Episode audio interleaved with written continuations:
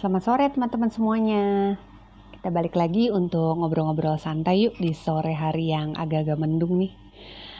Oke teman-teman, saya mau lanjutkan, uh, saya mau cerita satu satu pebisnis prudensial yang menurut saya pribadi keren banget dan bisa jadi contoh yang baik banget buat anak-anak milenial nih. Namanya adalah Clarissa. Clarissa, seorang pebisnis prudensial yang saat ini baru berumur 19 tahun teman-teman. Wow, masih muda banget gak sih? Clarissa ini adalah mahasiswa di jurusan fashion di semester 4. Ya, sudah selayaknya lah ya kalau umur-umur 19 sudah pasti umur-umur anak kuliahan ya. Dan Clarissa ini bergabung di bisnis prudensial itu pada tahun 2019, yaitu kurang lebih dua tahun yang lalu ya teman-teman ya. Dan ternyata kalau saya dengar tadi kisahnya unik juga. Gimana Clarissa akhirnya bisa bergabung di bisnis prudensial. Jadi awalnya Clarissa yang pada saat itu masih duduk di bangku SMA Clarissa punya rencana untuk menghabiskan waktu gitu ya setelah lulus lulusan dari SMA. Clarissa mau menghabiskan waktu bersama teman-temannya ke Bali, teman-teman. Dan pada saat itu memang Clarissa udah begitu excited dan akhirnya dia pun sudah memesan tiket. Gitu.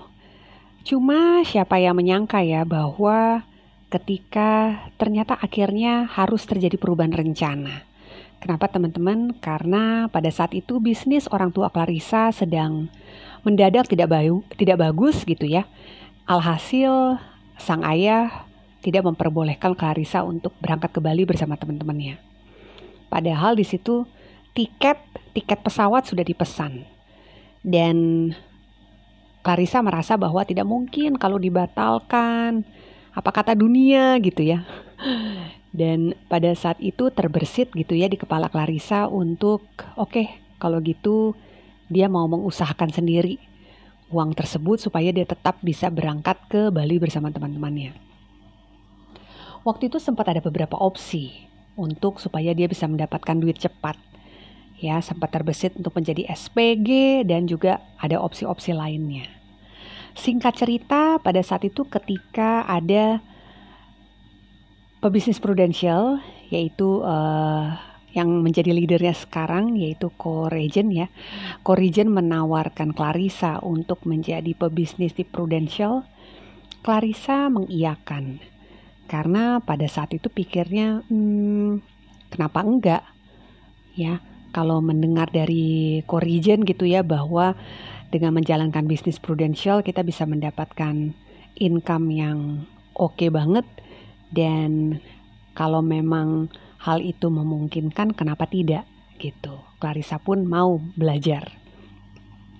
Akhirnya Clarissa pun memulai perjalanan bisnis prudensialnya yang pada saat itu adalah motivasinya semata-mata supaya dia bisa dapat uang untuk dia bisa berangkat ke Bali bersama teman-temannya. Semata-mata itu aja, nggak nggak jauh-jauh gitu ya harapannya ya.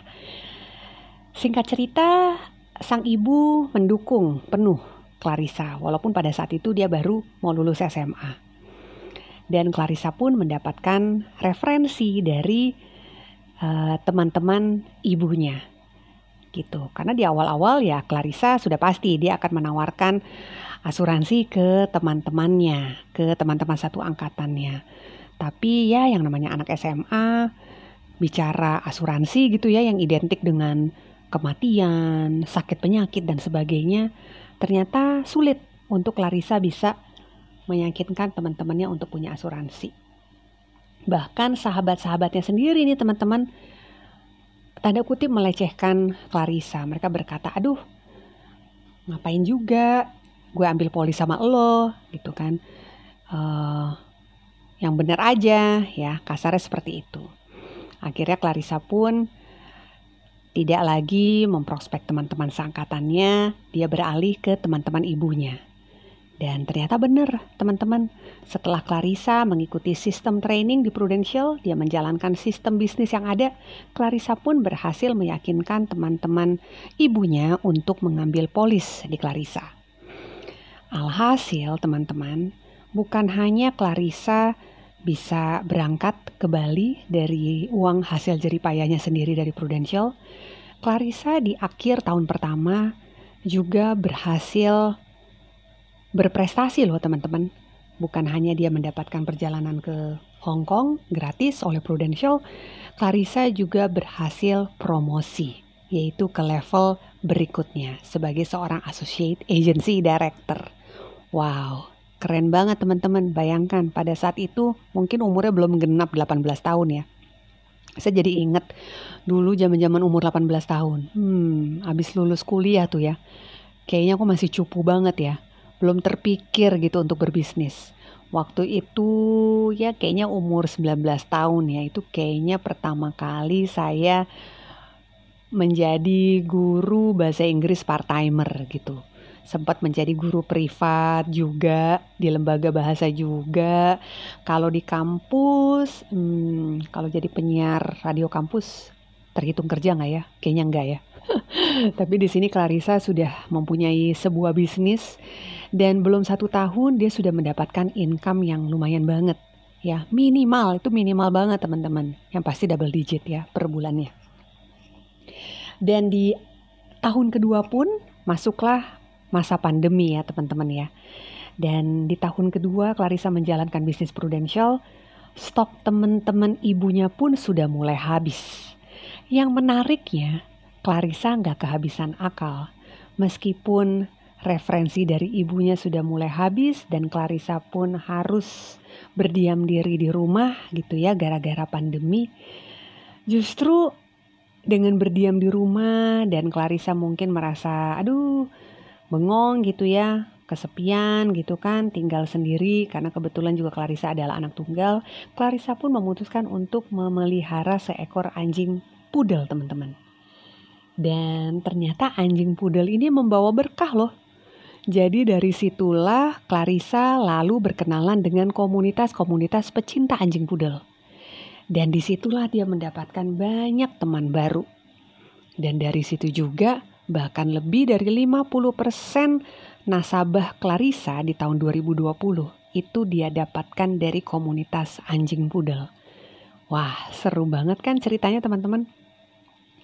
Saya masih ingat banget ketika Clarissa cerita bahwa saat ada salah satu dari uh, teman barunya, kemudian anjingnya itu harus mengalami sakit yang cukup serius, dan di situ Clarissa sempat sempat bilang begini ke temannya itu, aduh andekan aja ya anjing itu ada asuransinya.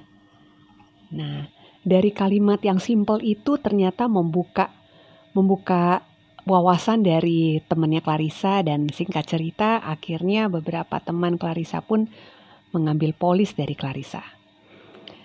Wow, dan ternyata semuanya berbuah manis teman-teman. Di akhir 2020, Clarissa berhasil mengumpulkan omset yang besar dan dia bahkan bisa mengajak beberapa temannya untuk berpartner bersama dia untuk membesarkan bisnis prudensialnya dan di akhir 2020 Clarissa pun promosi menjadi seorang agency director.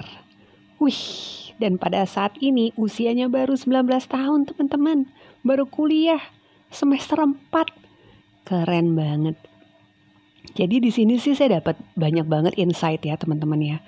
Bahwa walaupun kita masih muda, tapi kalau kita punya impian dan kalau kita punya tekad mau belajar, ya kita mau positive thinking, jangan kita dari awal sudah close minded ya, tapi seperti Clarissa ini saya melihat dia open minded, dia mau belajar dan ternyata semua keingintahuannya dan juga tekadnya ditambah sistem prudensial yang mendukung, maka ia pun bisa berhasil teman-teman.